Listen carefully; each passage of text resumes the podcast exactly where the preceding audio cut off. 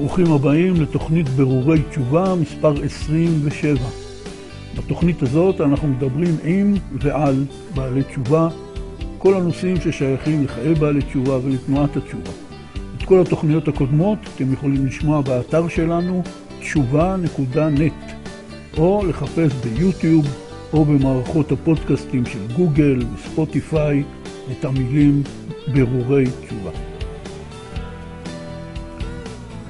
בתוכנית הפעם נדבר על המהפכה היצירתית, על ההשפעה הגדולה שיש לאומנים בעלי תשובה על התרבות בארץ ועל התרבות היהודית בכלל, וגם על הקשיים והלבטים שיש לאומנים בעלי תשובה כאשר הם חוזרים בתשובה ומנסים ליצור בתוך המסגרת החדשה. בתחילת התוכנית נשמע הקלטה משיחה שקיימו שולי רנד ואביתר בנאי בדיוק על הנושא הזה, ואחר כך נעבור לדיון בין החברים. אני הייתי אצל אה, הרב מוישה שפירא, זכר צדיק לברכה. הוא אמר לי, אה, אמרתי לו, אני רוצה להפסיק לנגן. הוא אמר לי, לא, אתה לא צריך להפסיק לנגן. גם אמרתי לו, אני רוצה ללמוד תורה. אז הוא אמר לי, גם תורה אתה צריך ללמוד. תראה, זאת שאלה. זאת שאלה, זה לא מובן מאליו. אני מכיר אנשים שזרקו את הכל והצליחו, הצליחו. ולהתעסקות בשתי העולמות יש מחירים, זה לא דבר פשוט. חייבים, אה, לא תמיד אתה מכין את הכלי הזה למפגש עם בני אדם, למפגש עם הגאווה שלך, למפגש עם עולם אחר, לא תמיד. יש אנשים שיגידו, תשמעו, עזוב אותי. עכשיו, יש כאלה שהצליחו, יש הרבה גם שלא הצליחו.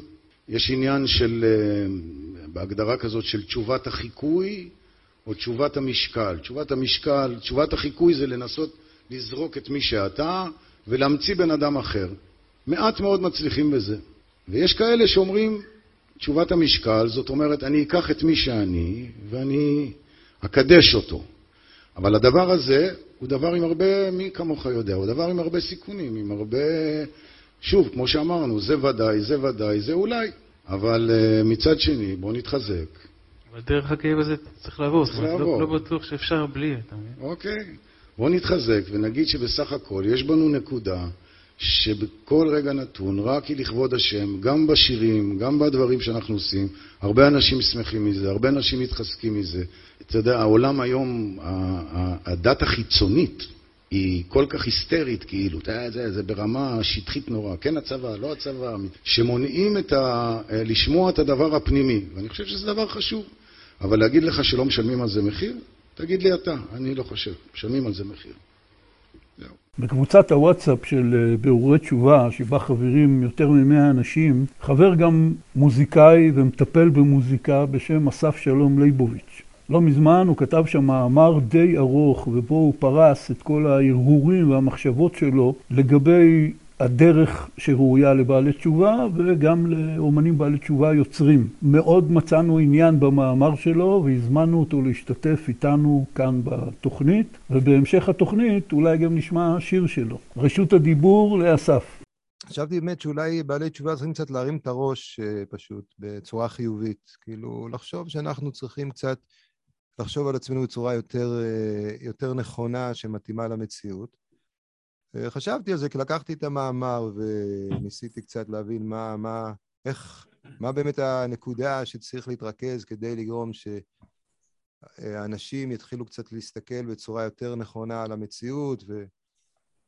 ואני חושב באמת שהמקום הראשון צריך להבין באמת שזה, קודם כל אנחנו באים בצורה חיובית לתת תרומה, ויש לנו מה לתת, יש לנו מה לתת. החיים מחייבים אותנו, מביאים לאיזו יצירה של מהות, של איזו מציאות חדשה, של סגנון חדש של, של אנשים שחיים כאן בפשטות. ומתוך זה נוצר איזה משהו חדש, וזה כאילו, זה המקום שהקדוש ברוך הוא העמיד אותנו. אז uh, מהמקום הזה יש לנו איזשהו מין עזות דקדושה כזאת, כן להעיז, להגידו, אז מה, מי אתה, מה... אבל כן, יש לנו מקום להעיז, כי זה באמת, uh, הקדוש ברוך הוא הביא אותנו למקום הזה. במקום הזה אנחנו צריכים לבחון את, ה, את היכולות שלנו, את החוזקות שלנו. Uh, החוזקות שלנו, שכן, יש לנו, אם, אם השם שם אותנו במקום הזה, אז מסתמה יש לנו את היכולות לה, להבין, uh, ליצור כאן איזושהי קבוצה שתדע לברר משני העולמות שהיא ביניהם, היא בעצם בין שתי עולמות. בתוך העולם הזה נוצרת איזו סינתזה חדשה, והסינתזה היא כבר דבר חדש. מתוך זה לברר את הדברים שכן מתאימים לבעלי תשובה. זה, אנחנו בין שני העולמות, אנחנו כמו בן המלך ובן השפחה, ש... שהוא לא יודע מה הוא, אתה בן מלך או בן שפחה, כאילו, מצד אחד חזרת בתשובה, כל הכבוד, אז אתה בן מלך, מצד שני העולם לא מקבל אותך. חרדים יכולים להיות חברים הכי טובים שלך, אבל ברגע שזה מגיע לשידוכים, אז זה, זה לא עובד. זה לא נטמע, לא מתחבר. אה, ברגע, החילונים הם, בטח זה לא העולם שלך, אתה עזבת את העולם הזה, אתה לא... בחרת בעולם אחר, אתה לא רוצה את העולם הזה, שהוא, יש בו הרבה שקר והרבה חומר והרבה... אין שם דרך, יש שם איזה עיבוד דרך. ו... אבל אתה מכיר את העולם הזה, ויש חלקים ממך ש... שעדיין שייכים לעולם הזה, ואתה נמצא כאן בתווך בין העולמות. אתה צריך כאן אה, לברר בעצם, כי השם שם אותך לברר, הוא האמין בך. עכשיו, בן אדם חרדי למשל, שנולד בבית חרדי, לא יודע מה לו לעשות את המסלול הזה. לא היה לו, לא היה, לא, הולך עם כר חברה, מה שכולם אמרו, מה שנוער, וזהו. אה, בן אדם שעבר מסלול כזה, סימן ש... שהקדוש ברוך הוא נתן לו את הכוחות בשביל זה, ואם יש אנשים שעברו את המסלול הזה, הם פילסו דרכים, הם, הם יודעים דברים, הם יכולים כאילו להרים את הראש בצורה חיובית, מתוך מקום של תרומה, לא מתוך איזה מקום של אה, אנחנו איזה משהו, אבל כן, אה, להביא בניסיון שלהם, הידע שהם צברו, להביא איזה, איזושהי צורה של אה, קהילה חדשה, קהילה... קהילות שיותר אה, יותר מתאימות לאנשים כאן, לדור כאן, ולגבש גם איזשהו סגנון כזה ייחודי כזה, כי באמת ביהדות הרי אנשים עובדים לפי, זה, זה בית כנסת אה, ברסלב, אז יש כל הספרים ברסלב, וכולם התבודדות, וכולם מאוחדים סביב זה, כי זה המרכז שלהם, זה מה שמוביל אותם, זה גמרא, זה לומדים גמרא מהבוקר עד הלילה, וזה מה שמוביל אותם, לא מוביל אותם דברים אחרים, אותם תוכן. אין לנו באמת איזשהו תוכן, אבל יש לנו כן איזשהו מקום שאנחנו יכולים אפילו אולי להגדיר איזה סגנון, סגנון יותר מכיל, יותר מקרב מגזרים, יותר שנותן להתדיין על כל דבר ולשאול שאלות. אנחנו באנו בעולם פתוח, אנחנו אנשים שיש לנו ראש פתוח, שאנחנו מוכנים להקשיב, מוכנים לשמוע, מוכנים לשבת מכל מיני דעות, כל מיני זרמים, לגבש קהילות ש... ולגבש אולי אפילו ממש איזשהו קו כזה, שלא יודע, אולי צריך לשבת ולסגנן ו... ו... ולרשום, וזה...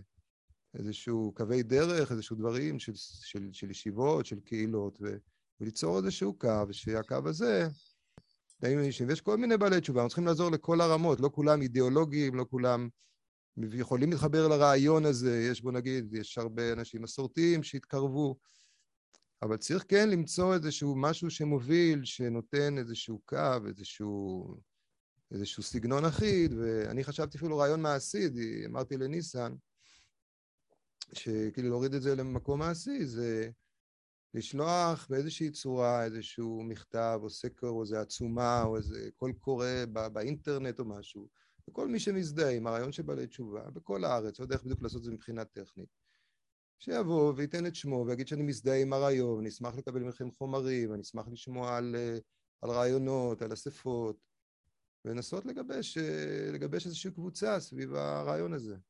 אני ממש מתחבר לדברים שלך, אסף. ממש כמעט הוצאת לי את המילים מהפה, ודיברנו על זה בתוכניות קודמות, שבאמת בא לתשובה, בגלל השינוי העצום הזה שעשינו מאורח חיים כזה לאחר, כמו שאתה ניסחת את זה טוב טוב, אז באמת יש לנו יכולת שהיא להבין, להבין את השונה מאיתנו. את מה ששונה מאיתנו, את מה שאפילו מנוגד לנו. דובר על זה שאנחנו כמו מתורגמנים, הייתי מתורגמנים של בין, בין החילונים לחרדים, בין החרדים לחילונים. הייתי אומר יותר מתווכים. זאת אומרת, אנחנו, כמו שמקובל לומר היום, אתה, המורה מתווך לתלמידים, כן, תכנים. אנחנו יכולים לתווך ביניהם כדי שתהיה יותר הבנה. והבנה בחברה הישראלית היא כל כך נצרכת היום, כולם רואים מה שקורה אה, מחוסר הבנה. אז, אז ההבנה, להגביר את ההבנה בחברה הישראלית, אני חושב שזה מאוד מאוד נצרך היום. לכן יש לנו תפקיד אולי קריטי, אם אנחנו רק נצליח כבעלי תשובה לתפוס את עצמנו בידיים ולהוציא את זה לפועל בצורה אה, אה, שתורגש בחברה הישראלית. גם, גם פנימה בתוך החברה ש, שלנו, וגם החוצה. אה, אמרת דברים נפלאים, אסף. אה, ברוך הבא, אני לא מכיר אותך אישית, אני פעם ראשונה ככה נפגש איתך פה בתוכנית, אז, אה, אז באמת ברוך הבא. אתה אמרת דברים, אני רוצה לנסות להגדיר מה, מה, מה, אנחנו, מה בעלי התשובה מחדשים, איזה, איזה מין חידוש הבאנו לעולם. ואני חושב שהאומנות, שה, אתה אומן, מנגן ו... ושר. אני חושב שהאומנות זה אחד המקומות שבו אפשר לראות באמת אמ, איזה, איזה מין חידוש הבאנו, למה אני מתכוון. אנחנו בעלי התשובה הגענו לעולם, ה, לעולם התורה, ובעולם התורה שאנחנו הגענו אליו, אז באמת הכותרת זה עם ישראל, והתורה, והמסורת, וההלכות, ואם אפשר להגיד, נגיד את זה בצורה עדינה, האדם, הפרט, האדם הבודד, קצת הלך, הולך לאיבוד בכל, ה, בכל ה, הרצון הזה להשתייך ו, ו, ולקיים את התורה. אנחנו, כל אחד מאיתנו הרגיש את זה קצת, וגם דיברנו על זה בתוכניות הקודמות, איך אנחנו קצת הלכנו לאיבוד לעצמנו ואיבדנו את עצמנו בדרך. אה, כל המשקל נטה לכיוון הציבור, להיות חלק מציבור, חלק מעם, חלק משומרי התורה. והאינדיבידואל קצת הלך לאיבוד. עכשיו, ניתן לראות את זה נפלא באומנות, בשירה, במוזיקה. אני חושב שחבר טוב שלי מגיל 15, אולי אפשר להכיר לו טובה על זה, אני חושב שהוא מהראשונים שעשה את זה, קוראים לו עד איראן. ועד איראן הראשון, אם, אם תקנו אותי אם אני טועה, אבל הוא באמת הראשון שלקח והביא לעולם מוזיקה של אדם שהוא שומר תורה ומצוות, שהוא חרדי, אבל שהוא מכניס את הרגשות שלו ואת המילים שלו בתוך האמנות. כי עד אז מה הכרנו? הכרנו מנגינות שמלחינים פסוקים. אה, המוזיקה החרדית הידועה ש, שמנוגנת ושאליה הגענו לפני, אני מדבר איתכם לפני 30 שנה בערך, 25 שנה. אבל אדי בדיסק הראשון שלו, והיום אנחנו כבר, זה נראה לנו כל כך פשוט וכל כך מיינסטרים, תראו את ישי ריבו ואת שולי רנד, מה ששולט היום במיינסטרים הישראלי, במוזיקה הישראלית, זה אנשים אמוניים, שמכניסים את האמונה שלהם, את האמונה האישית שלהם, בתוך המוזיקה. אז uh, אני חושב שדרך זה אפשר ללמוד קצת על, החידוש של בעלי תשובה, מה אנחנו עשינו בעצם, אנחנו בעצם גורמים אולי לאיזשהו איזון, איזון בין, ה, בין ה, הצד של עם ישראל והציבור והכלל, לבין המקום של הפרט בתוך כל הדבר הזה, כן לתת לזה את המקום ולא לשכוח את זה, לא, לא להיעלם בתוך זה. ובמוזיקה זה באמת בא לידי ביטוי, לא לפחד לכתוב את מה שאתה מרגיש, ודרך ה... דרך ה לא, לא, לאו דווקא דרך הפסוקים הקיימים, אלא דרך מה שאתה כותב, מה שאתה מרגיש, התפילה שלך לשם, הזעקה שלך לשם, השמחה שלך, כל אחד כפי עניינו. אבל אני חושב שזאת נקודה ש... שאפשר ממנה גם להשליך על דברים אחרים. אה, לשים לב לא רק לכותרת שמירת מצוות, אלא מי הוא זה הפרט הזה ששומר את המצוות, וממילא זה משתנה מאחד לאחד. כמובן שיש את ה... מה שכולם מחויבים, אבל בוודאי שיש את ה... מה שרבי נחמן קורא לזה, אה, לקשר עצמו לנקודה השייכת לליבו בעת ההיא, דווקא כל אחד ואחד כפי העניין שלו, כפי האופי שלו, כפי הכישרונות שהשם חנן אותו, להכניס את זה לתוך שמירת המצוות, אולי זה קצת, זה, זה החידוש שאנחנו בעלי התשובה הבאנו. אני רוצה אולי קצת אה, אה, לפרק קצת את החגיגה הזו, של איזה מדהימים אנחנו. אה, לא שאנחנו לא מדהימים, אבל אני מבין ככה, שאילולא שולי רנד היה אדם מפורסם בתור חילוני, כן, אומרים שהוא שיחק את, אה, לא יודע מי, מקבeth הכי אה, מדהים בעולם. אם הוא לא היה... התכוונת להמלט. המלט, כן. אה, אם הוא לא היה מפורסם בתור חילוני, אז זה שהוא כתב שירים מדהימים, שחושפים את הנפש שלו ואת הסערה שלו עם תובנות, עם, עם באמת תחכום מילולי אדיר, לא יוצא מזה כלום לאף אחד. זה לא היה נוגע זה לא היה נוגע לציבור החילוני. הרי כששולי רנד אה, כתב את, ה, את הדיסק הראשון שלו, כן? זה, הוא לא סתם מילא את קיסריה בחילונים ששרים את כל המילים. אז זה כי הוא היה שולי רנד. כשאביתר בנאי, או כל אחד אחר כזה, עושה את זה, זה כי הם אנשים מפורסמים, לא כי הם רק בעלי תשובה. כן. תרשה לי לתקן אותך, זה פשוט לא נכון עובדתית. תספר לי למה. אדרבה, תאיר את עיניי, אני באמת, ככה אני, אני מרגיש... קודם כל, קודם כל שחר צודק. עד איראן היה הראשון שכתב שירים יהודיים אישיים. ומי שהוציא לו את הדיסק הראשון היה מפיק חילוני בתל אביב, ששמו ניצן זעירה. עד איראן אף אחד לא הכיר אותו. הדיסק הזה הצליח, ואז בשנת 2000 אני הקמתי את חברת מים, מוזיקה יהודית מקורית, ביחד עם ניצן זעירה. ואנחנו שברנו את תקרת הזכוכית לכל הזמרים הבעלי תשובה. עד איראן לא היה מפורסם, אבל הוא מכר דרכנו דיסקים יותר משם טוב לוי. היו להקת המדרגות, עוד דיין ואילן דמארי. אף אחד לא הכיר אותם כמובן, הם היו שני בעלי תשובה שכתבו שירים אישיים, והם מכרו דיסקים בעשרות אלפים. כלומר, הדיבור האישי היהודי והמוזיקה שהם עשו, הם פתחו פתח ל- ללב של הקהל בלי זה שהם היו מפורסמים קודם, כן? בוא, אני מספר לך עובדות עכשיו, לא דעות. והם מכרו עשרות אלפי דיסקים, זה היה דבר מאוד נדיר אז. אותו דבר הוצאנו דיסקים לאהרון רזאל ולהקת אה, רבע לשבע ולעוד אה, זמרים שלא את כולם אני זוכר כרגע, והם הצליחו מאוד בקהל החילוני. אנחנו פרצנו את הדרך שעד דירן נכנס למצעד הפזמונים של גלי צה"ל. אהרון רזאל הגיע למקום שני במצעד הפזמונים של גלי צה"ל, שאף אחד לא הכיר אותו, אולי כמה דתיים, עם השיר זמן הגאולה. זה לא נכון. הייתה פה מהפכה אדירה של בעלי תשובה. ומכיוון שאני זכיתי לקרב ליהדות את אביתר בנאי ומאיר בנאי, וגם עם שולי רנד ישבתי על הדיסק הראשון שלו, אז אני חושב שהניסיון שלי אומר שזה לא נכון מה שאתה אומר, אותו דבר.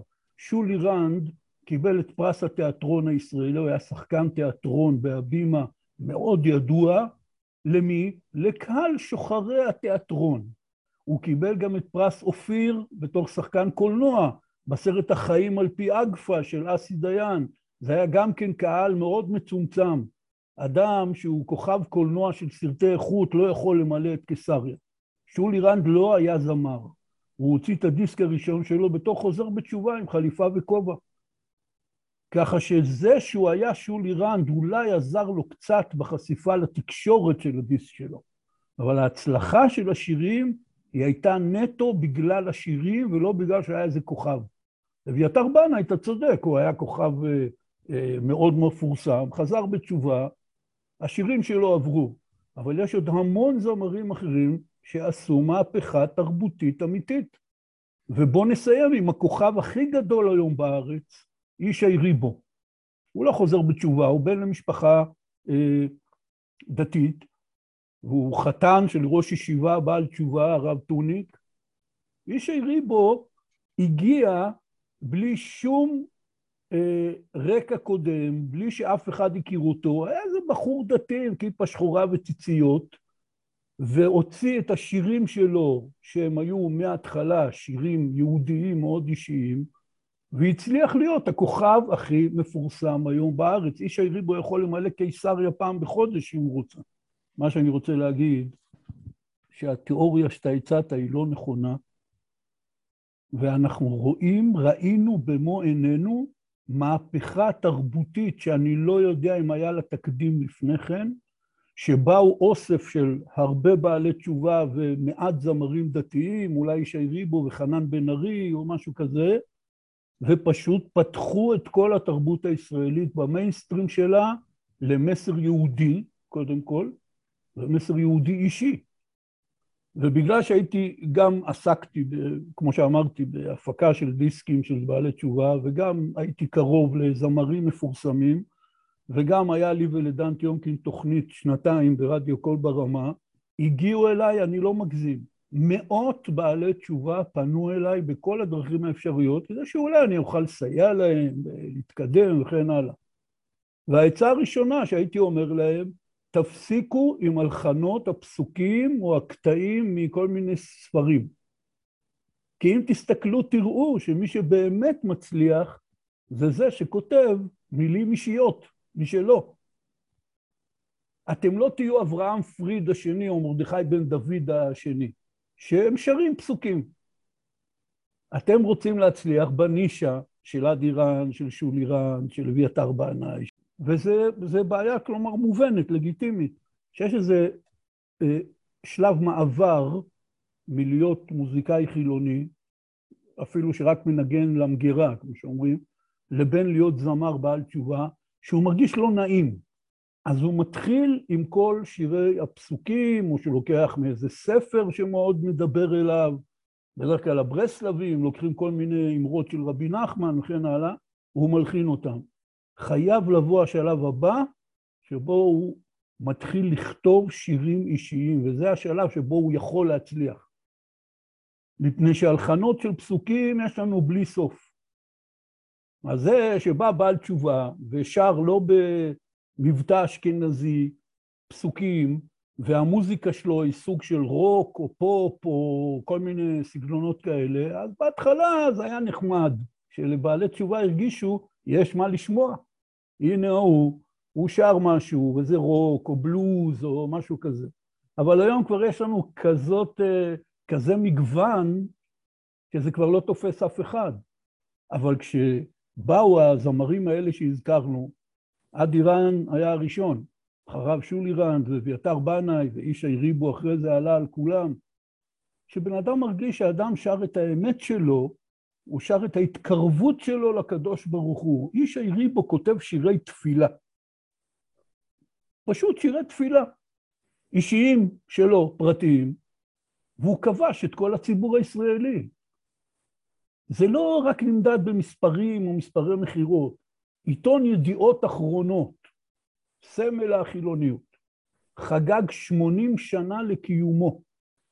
בוועידה ענקית שהשתתפו בה כל הפוליטיקאים ואנשי העסקים, עם מי שאתם לא רוצים. ההופעה האומנותית של ועידת ידיעות אחרונות, הזמינו את איש היריבו, זה היה לפני כמה שנים. זה אומר המון. בא יהודי עם כיפה שחורה, עם ציציות, שר שירי תפילה, והוא נהיה המיינסטרים המוזיקלי התרבותי של מדינת ישראל. זה דבר גדול מאוד וזו מהפכה אדירה. ורק אני רוצה לסכם, מה ששחר אמר זה בדיוק העניין. הבעלי תשובה הביאו דבר חדש שבה זמר, יוצר, כותב מילים, מלחין. המוזיקה החרדית היא הייתה מאוד כמו המוזיקה האמריקאית בשנות ה-20, ה-30 וה-40. יש זמר, יש כותב מילים או מישהו שמצא פסוק, יש מלחין, יש מעבד, יש מפיק, יש תזמורת, ופתאום בא המושג הזה שהמציא אותו באמריקה, מה שנקרא היום singer songwriter, כן? זמר שכותב שירים של עצמו, דבר עצום. ואני אקנח לכם בסיפור הומוריסטי נפלא, אחד מגדולי המוזיקאים בכלל והבעלי תשובה היה יוסי פיאמנטה, זיכרונו לברכה. אחד מגדולי הגיטריסטים שהיו בכלל. והוא ואחיו אבי, שייבדל חיים ארוכים, החלילן, הם עברו לארצות הברית, מישראל, הצליחו שם, ואז הם חזרו בתשובה. ויוסי פיאמנטה, מה גיטריסט רוק ברמה בינלאומית, בעל תשובה בניו יורק, איפה הוא יכול להופיע, מה הוא יכול לעשות? הוא היה מנגן בחתונות חסידיות גדולות.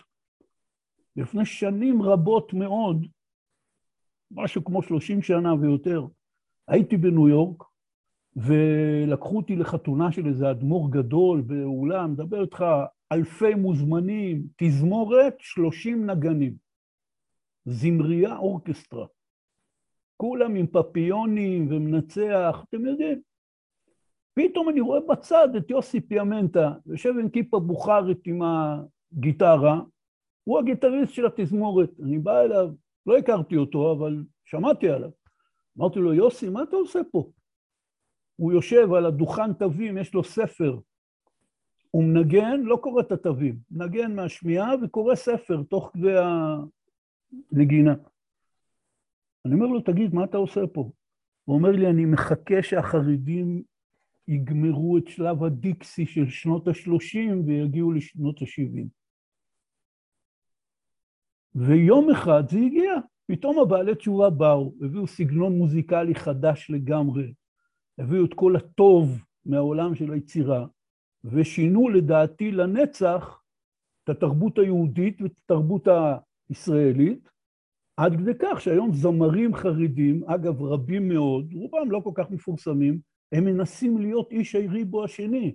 הם מתחילים לכתוב שירים עם מילים אישיות וכן הלאה. אפשר להגיד, הדבר היחיד שתנועת התשובה באמת השפיעה על עם ישראל, זה בתחום התרבות והמוזיקה.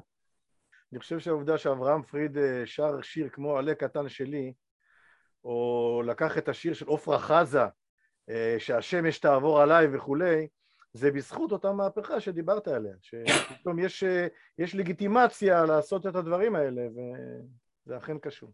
אז השאלה שלי זה, בסדר, בהנחה שזה ודאי נכון, שבעלי תשובה שינו את הפלייליסט הישראלי. מה ההשפעה של הדבר הזה הלאה? זאת אומרת, זה שעומדים 30 אלף איש ושרים את סדר העבודה של איש הריבו עם אה, איש הריבו, ומתרגשים מזה, זה מדהים. האם זה גם גורם שינוי בשמירת מצוות? האם זה משפיע הלאה, או שזה נגמר בזה, כי, כש, כי כשאני הייתי ילד חילוני אה, קטן, נגיד הייתי, אני זוכר, הייתי בן 12, אני זוכר את עצמי הולך ברחוב ושר אה, את השיר של עוזי חיטמן, אה, אלוהים שלי רצית, רציתי שתדע, או משהו כזה, כן? והבנתי שאני מדבר עם הקדוש ברוך הוא. אבל שם זה גם נגמר. אבל זה לא בדיוק אה, שם זה נגמר, כי ברגע שאתה פורץ את המחסום הזה, ואתה מדבר עם הקדוש ברוך הוא, ואתה כבר אז גם מכיר בקיומו, ואתה ממילא מקטין את ההתנגדות ואת השנאה לכל דבר שבקדושה. זה עוד דבר עצום שקורה. מי שיזכה לקחת את זה עוד צעד קדימה ולהתחזק ולשמור בדרכו שלו, אנחנו בשלבים, בתורת השלבים. אני הופעתי עם שולי רנד כמה וכמה פעמים על במות שונות במקומות שונים שבהם הוא שר ואני דיברתי וכן הלאה. ההופעה הייתה לחילונים. כשאני ראיתי אותם ואת כל הקהל, וראיתי את זה כמה וכמה פעמים, שהוא שר את אייכה, הם שרים איתו את המילים בתור סוג של דיבור עם הקדוש ברוך הוא. כי אני חושב שהשיר אייכה זה השיר הכי חזק, כי הוא הביא לכל עולם המוזיקה היהודי סגנון חדש של דיבור לקדוש ברוך הוא, כי זה פשוט שיר על תורה בליקוטי מוהר"ן. אבל זה היה חידוש עצום שיכול לעמוד זמר עם זקן גדול, עם כובע וחליפה, ולהגיד, ריבונו של עולם, אם לדבר גלויות, לפעמים אין לי כוח בעולמך להיות. הרי פעם, אם מישהו היה מוציא כזה שיר כאילו דתי, יהודי, היו מוציאים נגדו פצ'קווילים. מה זה הדבר הזה? והחילונים התחברו עם זה מפני שהוא דיבר הכי אמיתי, הכי אישי, והם הרגישו שהוא לא עושה להם לא הצגה ולא מניפולציה ולא תעמולה, והוא לא מנסה להחזיר אותם בתשובה, הוא שר את עצמו, והם יכולים למצוא את עצמם שם. כל אחד מהם יש לו מאות סיפורים של אנשים שכתבו לו באישי, או בתגובות ביוטיוב, או בפייסבוק. בזכותך התחלתי לשמור שבת, בזכותך התחלתי להניח תפילין. לכל אחד מהם יש להם מאות כאלה. איש היריבו, אני בכלל לא... זה רק לשער על מה מדובר פה, כן? זה בן אדם שמאות אלפים שומעים את השירים שלו קבוע. מתוכם בטוח יש כמה אלפים שזה ממש גרם שינוי בחיים שלהם, אבל זה לא העניין. השינוי צריך להיות קודם כל הפתיחות לאמונה. ולכן לדעתי דווקא מפני שזה לא אורגן על ידי שום ממסד, על ידי שום עמותה, על ידי שום ועדת רבנים או ועדת מחזירים בתשובה. כל הזמרים האלה שהכרנו זה סיפור אישי של בן אדם מסוים שכתב שירים אישיים, ואו שהצליח מאוד או שהצליח פחות, בגלל שזה היה הכי טבעי והכי אנושי, זה פתח פתח לעם ישראל, לאמונה ולתורה וליהדות, הרבה יותר מאשר כל פעילות מאורגנת.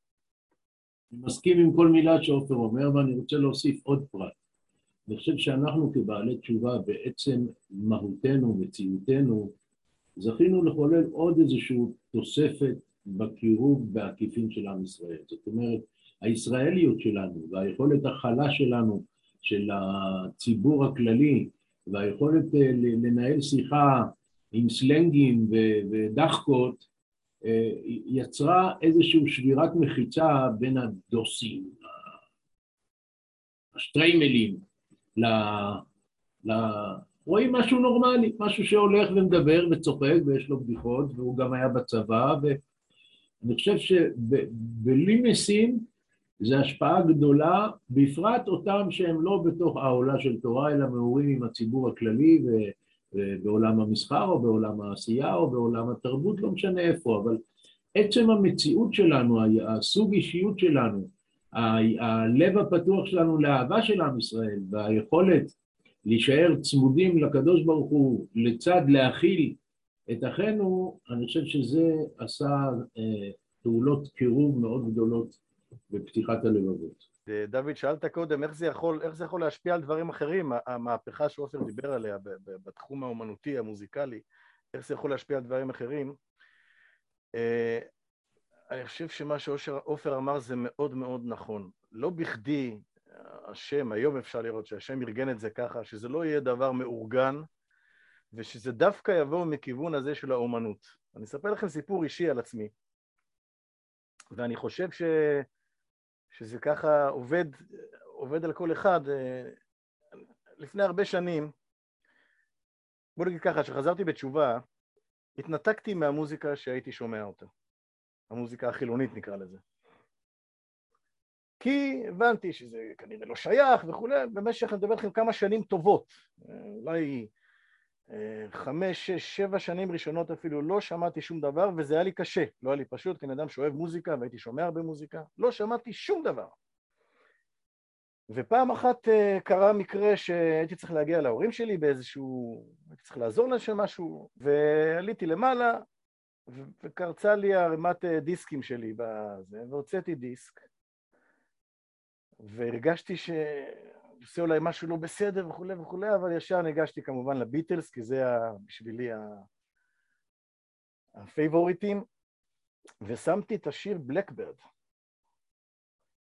ומה שקרה לי באותו רגע היה יותר גדול מכל ימי הכיפור שעברתי עד עכשיו, מכל תפילות הנעילה, מכל ההתעוררויות שהיה לי באומן, הגעתי ל, ל, למקום כל כך פנימי ועמוק, ופרצתי בבכי תמרורים, בכי אבל בכי של, של, של שחרור, בכי של קרבה לשם, ונהיה לי מזה כזה תפילה, כזאת תפילה לשם, שהבנתי, רגע, רגע, רגע, רגע, מה הולך פה? גיליתי פה משהו.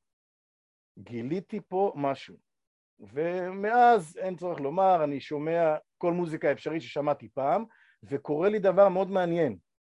אני שומע, ויש לי תחביב, אני מחפש בשירים ששמעתי בתור אדם צעיר, בתור ילד, בתור נער, איך השם דיבר אליי? השם דיבר אליי אז? הרי ברור שהשם דיבר אליי אז. מה, השם לא היה איתי כשהייתי חילוני? בטח שהוא היה איתי. איך הוא דיבר איתי? הרי לבית כנסת לא הלכתי, דרשות של תורה לא שמעתי, אז דרך מה השם דיבר איתי?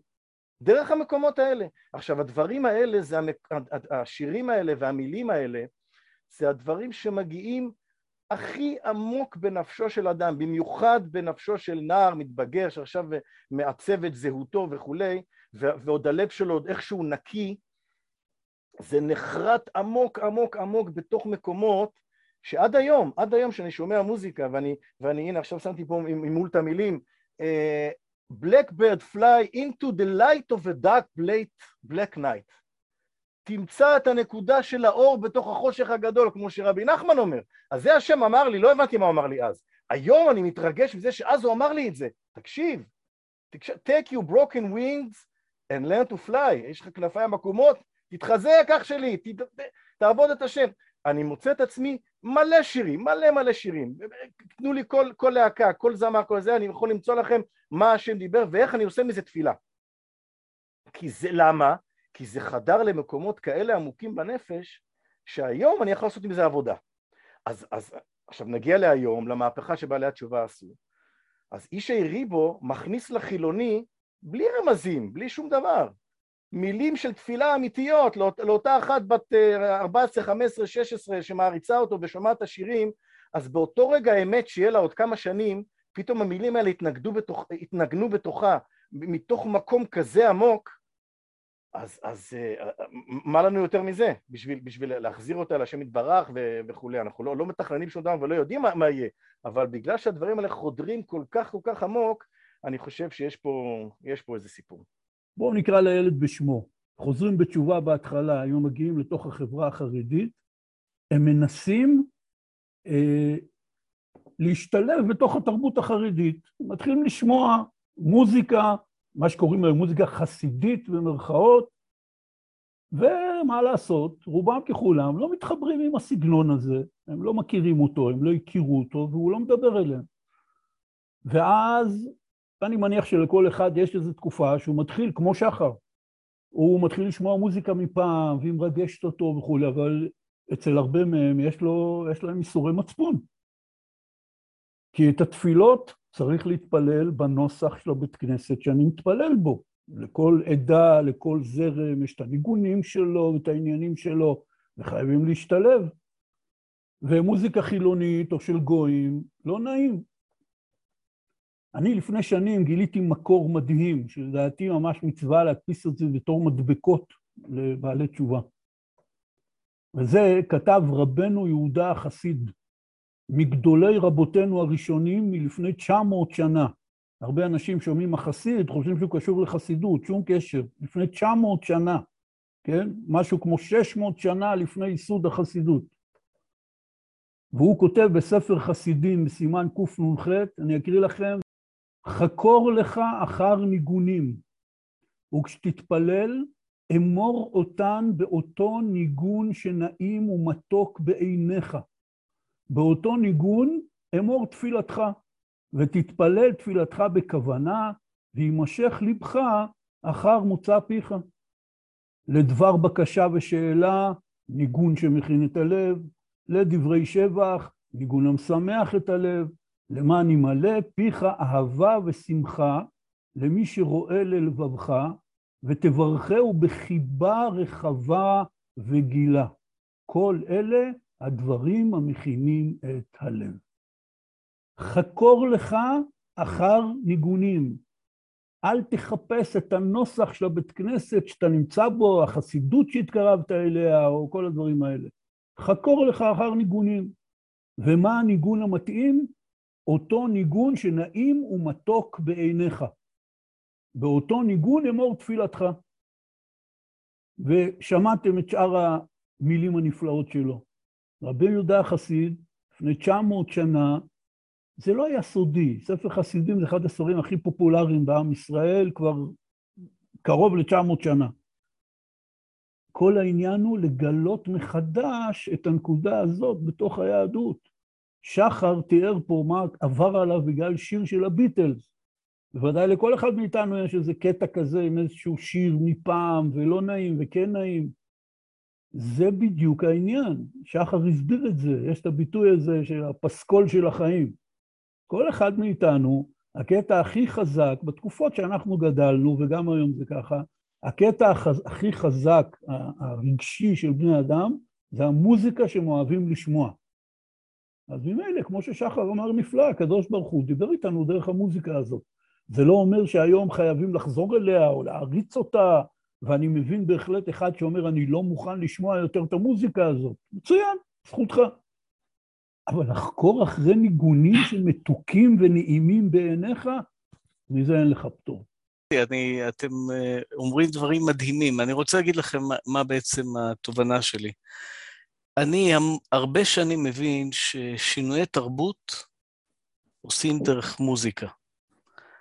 אה, כן, מלחמת וייטנאם, בעצם תנועת השלום נגד מלחמת וייטנאם, נגד מלחמת קוריאה, אפילו אולי נגד, אה, או מלחמת יום כיפור, זה בא בסוף לידי ביטוי, או בהתחלה איפשהו, דרך אנשי רוח, יש כאלה שכותבים אה, מסות, ויש כאלה שמנגנים את זה, יש כאלה שמפסלים את זה, אבל הנגינה היא פורצת הכי הרבה, וכמו ששחר היטיב להגיד, זה חודר לתוך עומק, עומק, עומק רבדי הנפש.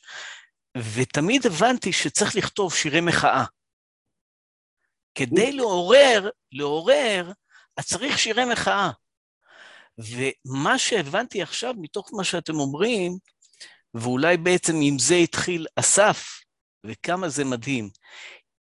עכשיו לא צריך שירי מחאה. שירי האמונה הם שירי מחאה בתרבות הישראלית היום. לכן הם פורצים וחודרים כל כך עמוק, כי זה מחאה כנגד כל מה שחינכו את כולנו, וזה חודר עמוק וזה מעורר את נימי הנפש העמוקים של כל יהודי של get up, raise up, כזה כאילו תקומו ותתעוררו, זה אתה ואלוקים, זה לא... וזה מחאה אדירה וזה דבר חיובי, זה מחאה חיובית, זה לא מחאה כאילו נגד, כן?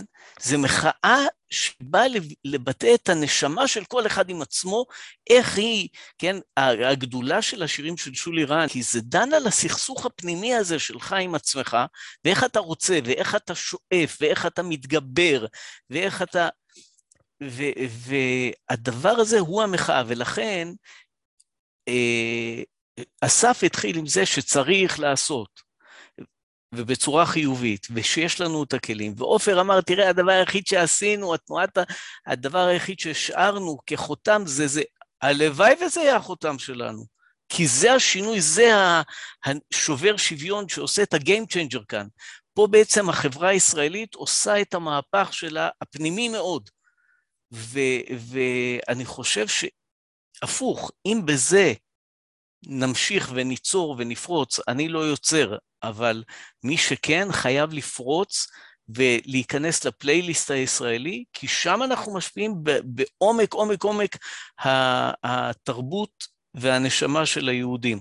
וזה יתעורר יום אחד, בין אם יתעורר, בין אם לא יתעורר, עשית, עשינו שינוי. זאת אומרת, זה שבתחנות רדיו הכי, לא יודע אפילו איך לקרוא להם, שמאלניות או משהו כזה, זמר השנה ברוב המקרים, זה כמעט תמיד יהיה ישי ריבוק בשנים האחרונות.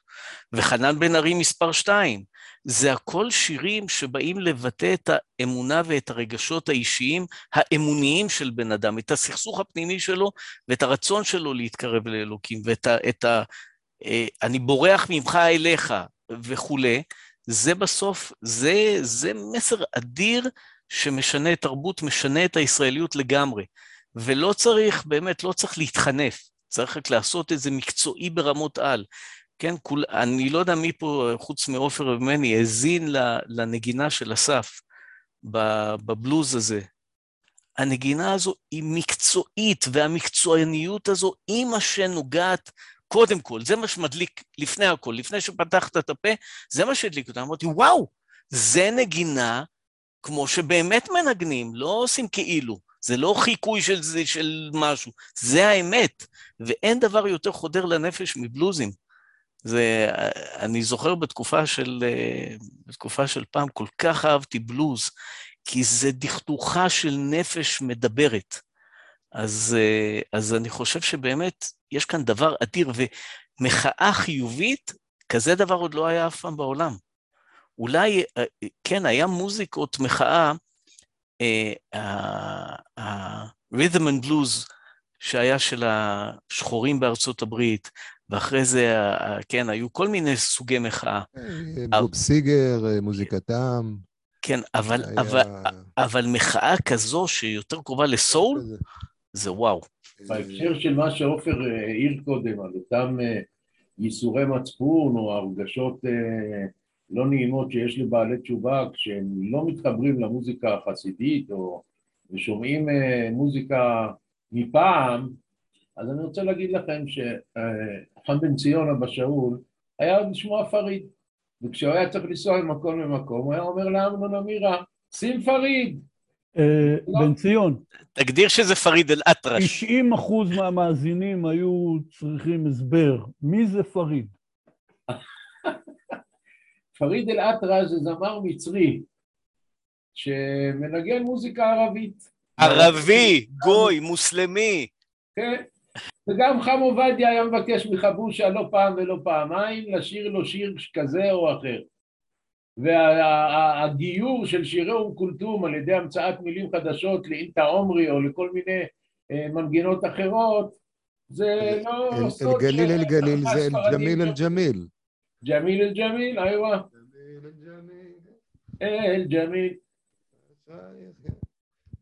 אז, אז מוזיקה זה דבר שגורם לנפש לדבר, לשיר, ואיזה מוזיקה שעושה לך, כמו שאמר אה, עופר ציטט את ספר חסידים, סע, כל המקום הזה של מוזיקה זה בעצם להיות כלי נקי.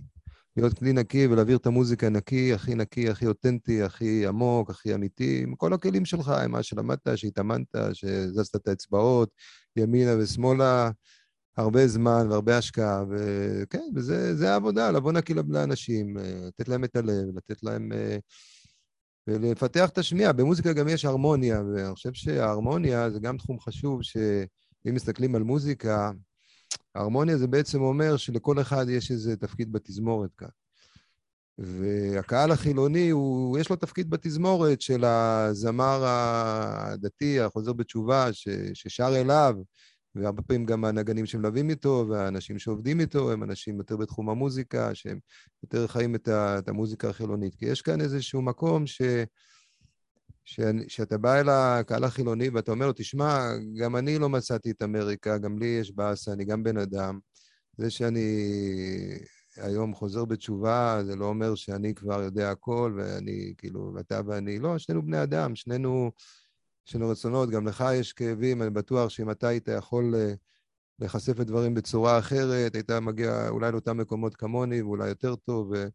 לא יודע איך הקדוש ברוך הוא מגלגל את העולם, אנחנו באים ממש בגובה העיניים וצרים את המצוקות ואת הכאבים שלנו. וזה מדבר, זה מדבר, כי הם אומרים, וואו, אה, הוא לא בא להטיף לי, הוא בא לדבר, אה, לראות שאני והוא על אותו מישור. ו- ומשם אתה יכול להתחבר לאנשים, כי, כי רק ככה, והמוזיקה המוזיקה עושה את זה, זה המקום של הבעלי תשובה, שהם מחברים באמת, יש להם את, ה, את המתנה הזאת, לחבר, ו... אז אם יש את המתנה, צריך... אה, כבד את השם מעונך, איך אמרת? זה איך שכתוב. העליתם כמה פעמים את השאלה, אני פשוט אין לי תשובה לשאלה הזאת, אבל זאת שאלה חשובה. האם אפשר בכלל, ואם כן אז איך, להעביר את המהפכה של הבעלי תשובה בתחום המוזיקה גם לתחומים אחרים? זו שאלה גדולה. אני חושב עליה שנים ולא מצאתי לה תשובה. אולי למישהו יש כאן תשובה. אני חושב שכולנו יודעים שלמשל אה, גברת רב מאיר אה, עושה משהו בתחום התקשורת, שהוא מהפכה אדירה, לתרגם את, ה, את הפוסט היומי שלה ל-15 שפות, כן? זה נכון. מהפכה עולמית. עכשיו, נכון, היא, היא, היא, היא בין הבודדות, אבל היא לא היחידה. אה, הרבנית ימימה מזרחי, היא פרצה דרך לתחום העצמה הנשית, מה שנדיר למצוא כזה השפעה.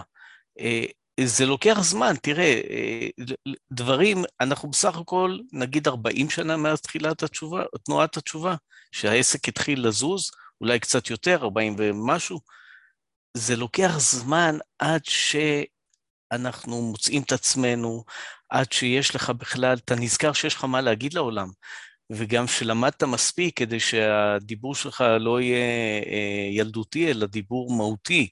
הדברים לוקחים זמן עד שהנפש מעצ... אה, אה, מאבדת את מה שהיא עברה, כדי שהיא יכולה לבטא את זה. ואני חושב שצריך למצוא באמת דרך לעודד ולתמוך בדבר הזה, אבל היום יש גם את הכלי האדיר הזה שנקרא אינטרנט לכל צורות היכולות של ההבעה שלו, שהוא פורץ קדימה גם כן, מאפשר המון, המון הבעה לבעלי תשובה. אני לא יודע מה האימפקט של הדבר הזה, או מה, אבל, אבל יש כזה דבר. צריך למצוא באמת אנשים סופר מוכשרים, עם, עם רהיטות, שיבטאו את עצמם בצורה נכונה כלפי הציבור. תראה, אני למשל שמעתי על פוסט, פודקאסט של קבוצת בעלי תשובה. זה עושה רושם אדיר ב, בכל העולם, אנשים שומעים את זה אלפים, והם נרש... עכשיו הפודקאסט ה-27. אני, אני לא יכול לתאר מה זה יעשה כשזה יתפרסם, אבל אותי למשל, זה ריגש מאוד לשמוע את מה שנאמר כאן, מאוד ריגש אותי. אה, נתן לי חשק עצום למשל, אה, לא יודע מה, הלוואי ואני אחווה את החוויה ששחר חווה עם, עם אותו שיר של הביטלס, ש, שאני, אבל אני כן מבין שפתאום המילים מדברות אחרת, הצלילים מדברים אחרת, זה משהו שנוגע בנפש, ואם נצליח לעשות את זה בעוד דברים, זה וואו. אולי בעולם הסרטים, כמו אושפיזין, עשה פעולה מאוד... אה, אבל... לא, לא רק אושפיזין, היו כמה סרטים, כמה יוצרות גם בעלות תשובה שעשו. סרטים שהשפיעו, אה, אה, שמו חותם אדיר על היצירה הישראלית. שני דברים, אה, על מה שאמרו פה קודם, על ההשראה שקיבלו ממוזיקה חילונית, שהאזנו לה בילדותנו, אני, גם אני כמובן אהבתי מאוד את הלהקות הידועות וכל העולם הזה של שנות ה-60 וה-70 וה... וה-80, אבל אני קצת תוהה, בשלב מסוים הלכתי לוויקיפדיה וקראתי את קורות החיים של האומנים שאותם הערצתי ואת המוזיקה שלהם מאוד אהבתי. ועד היום אני אה, אהנה לשמוע את המוזיקה הזאת. בדרך כלל קורות החיים שלהם הם, הם לא לעניין, הם כן, בדרך כלל זה דברים, זה עניין של אה, סמים ועוד כל מיני דברים שאתה לא רוצה לשמוע עליהם. ואין לי ספק שזה איכשהו מתבטא במוזיקה שלהם. ואני כמובן לא רוצה שזה דבר כזה ייכנס לתוכי, ושאני אהיה מחובר לדבר הזה, למוח, ל, לרגשות וללב שממנו באה המוזיקה הזאת. הם יצרו אותה, לא הקדוש ברוך הוא יצר אותה, את המוזיקה שלהם, הייתה להם בחירה. אז זו, זה דבר שאולי צריך לחשוב עליו, כן? ודבר שני, לגבי השאלה שעופר העלה, איך אפשר להביא את אותה מהפכה, כן, גם לתחומים אחרים, מה עושים האומנים האלה? הם, הם נותנים מסר אמיתי, מסר אישי אמיתי וכנה, והם אומרים אותו בצורה נעימה, שכן, בלי התנשאות, ובצורה פשוטה שכל אחד יוכל להבין ולהתחבר אליו. אז אולי אם יעשו את אותו דבר הזה, אם, ויעשו אותו בגדול, כן? במילים, אנחנו לא מוזיקאים, כן? מי שפה אינו מוזיקאי, ויש הרבה שאינם מוזיקאים, אבל אם יכתבו מאמרים, אם ידברו עם אנשים, אם יעשו אה, סרטים ווידאו, וכל מיני צורות התבטאות, שילכו על הקו הזה. לדבר אנושי, לדבר מהלב, הרי התורה שלנו היא, היא, היא, היא, באה, כן, איזה עניינים של, של, של, אה, של אמת ושל רצון טוב, דרכיה דרכי נועם, וכל נתיבותיה שלום. את זה צריך להביע, ויש לנו כמובן את הגבולות שלנו, ואולי זה יחולל שינוי, כך אני חושב. בהקשר לנושא של אה, זמרים גויים, שהסיפור האישי שלהם הוא אה, לא משמח וודאי לא חינוכי, אה, הנושא כבר נידון גם בהלכה וגם בכל מיני ספרות מחשבתית. ואם אני זוכר נכון, אז מוזיקה לא מקבלת אומה. המילים, אתה יכול לסנן אותן, אבל uh, מוזיקה שפועלת וגורמת לך להתחבר לקדוש ברוך הוא, לא נראה לי שיש מקום לחשוש ל... לאותם חששות שהבאת. אה, לגבי זמרים, זו שאלה שאני עסקתי בה. אני קראתי גם תשובות וכולי, זאת אומרת, אני חושב שאתה פשוט צריך להתייחס לאותו מקום ממקום, ממקום שונה. זאת אומרת, אתה, אתה לא uh, מתכחש לחוויה שהייתה לך עם המוזיקה הזאת, ואתה מבין שמה שהניע אותך באותו מקום כל כך להזדהות איתה, היה שם איזה ניצוץ אמת, היה שם איזה נקודת אמת. יש שם משהו. יש שם משהו, ומבחינתך זה היה מקום שבתור נער מתגבר וכולי, שם מצאת את ה... את אותו מקום קצת חופשי, שזה בעצם הקדוש ברוך הוא דיבר איתך, כמו ששחר אמר. אבל זה לא היה מבורר, והיום אתה יכול להתייחס לזה ובאמת לברר את זה. זאת אומרת, לקחת את, ה, את המקום הזה ו, ולרתום אותו לאיזשהו משהו יותר אמיתי.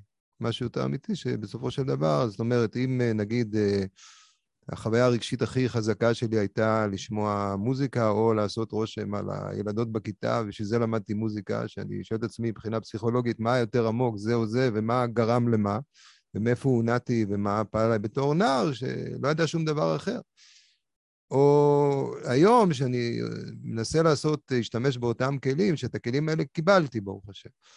אני באמת צריך לעשות עבודה יותר עמוקה, להסתכל בעומק הנפש, ולבדוק שהדברים האלה אכן, אכן, הם, הם באים ממקום ש, שמישהו שעשה כאן איזו התבוננות יותר, יותר מהותית, ומבין מה חשוב ומה לא חשוב, ומה מהו ערך אמיתי, מהו לא ערך אמיתי, שעושה איזו עבודה של, יודע, ניפוץ אלילים אה, פרטית כזאת, שלא מתייחס אליהם כאליל, אלא זה לא ניפוץ, זה אולי איזה שינוי, משהו כזה, שאתה צריך לעשות עבודה, להתייחס אל המקומות האלה באור אחר. הם קיימים, אם אני מקצר בקיצור, הם מקומות קיימים, לא צריך להתכחש אליהם, אבל כן, צריך לעשות את העבודה באור אחר. זה לא איזה משהו, צריך להיות אתה, אתה לא צריך לשחק אותה, אתה לא צריך אה, לנסות להיות משהו שאתה לא, להיות פתאום איזה... איזה, איזה להצדיק את עצמך כל הזמן, לא, המוזיקה היא יפה, היא, היא נעימה לאוזן, היא פעלה, זה מציאות שככה הקדוש ברוך הוא והרבה אנשים ככה, ככה חוו וככה חשו, זה, איזשהו, איך אומרים, פוק חזי מאי עמא דבר, אם זה מתחבר, כזה שהקדוש ברוך הוא רצה שזה יתחבר בעולם. יש גם כוחות שליליים במוזיקה, אם אני... המוזיקה היא כוח, היא כוח שאפשר להשתמש בו בצורה חיובית או לא חיובית. בהחלט יש אחריות למי שמשתמש אה, בכוח הזה, לכבד אותו בצורה חיובית, והתפילה היא המקום הכי חיובי, או המקום הכי... בסופו של דבר זה מקום של תפילה, בסופו של דבר.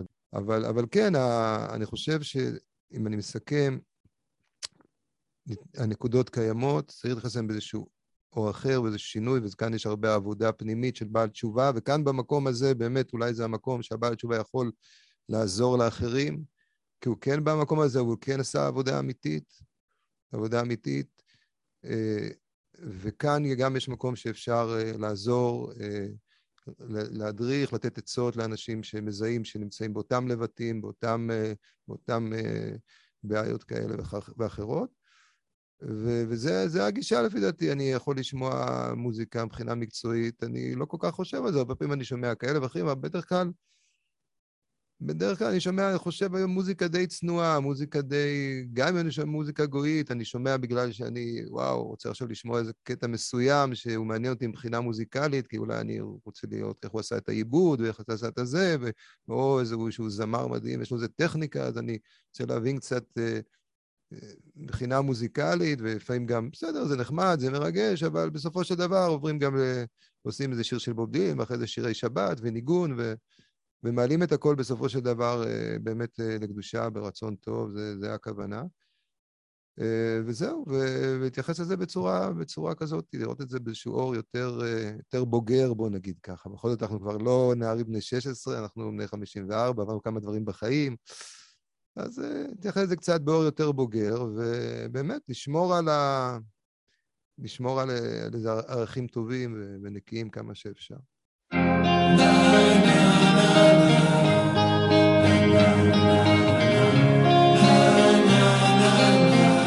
רמזים של השגחה. סימנים בדרכך כמו כוכבים בחשיכה.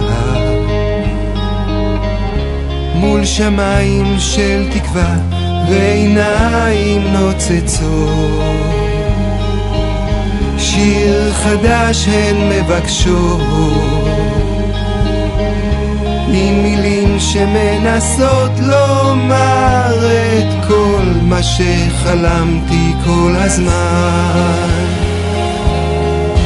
ישועות פשוטות קטנות הבזקים של מתנות רגעים מאושרים כאן באמצע החיים והכביש שמתפתל.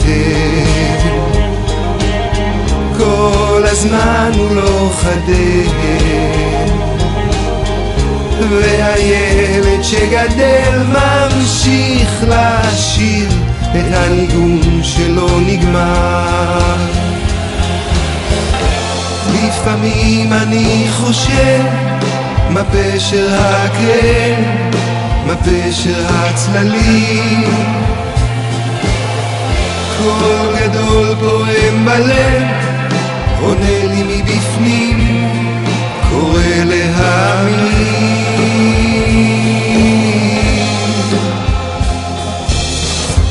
na na na na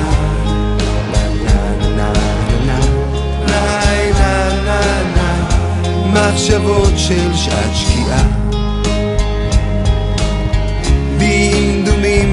בחשיכה שביל קטן מוליך לצהר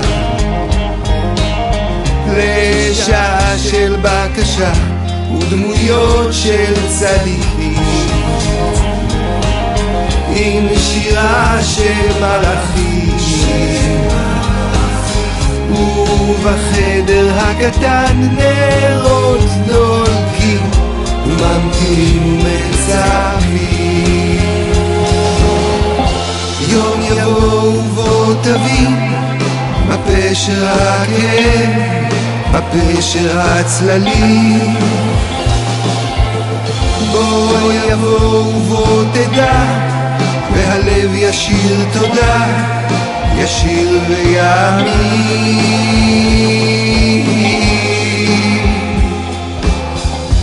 ניי נה נה נה ניי נה נה נה נה ניי נה נה ניי נה נה נה נה שר ומאמין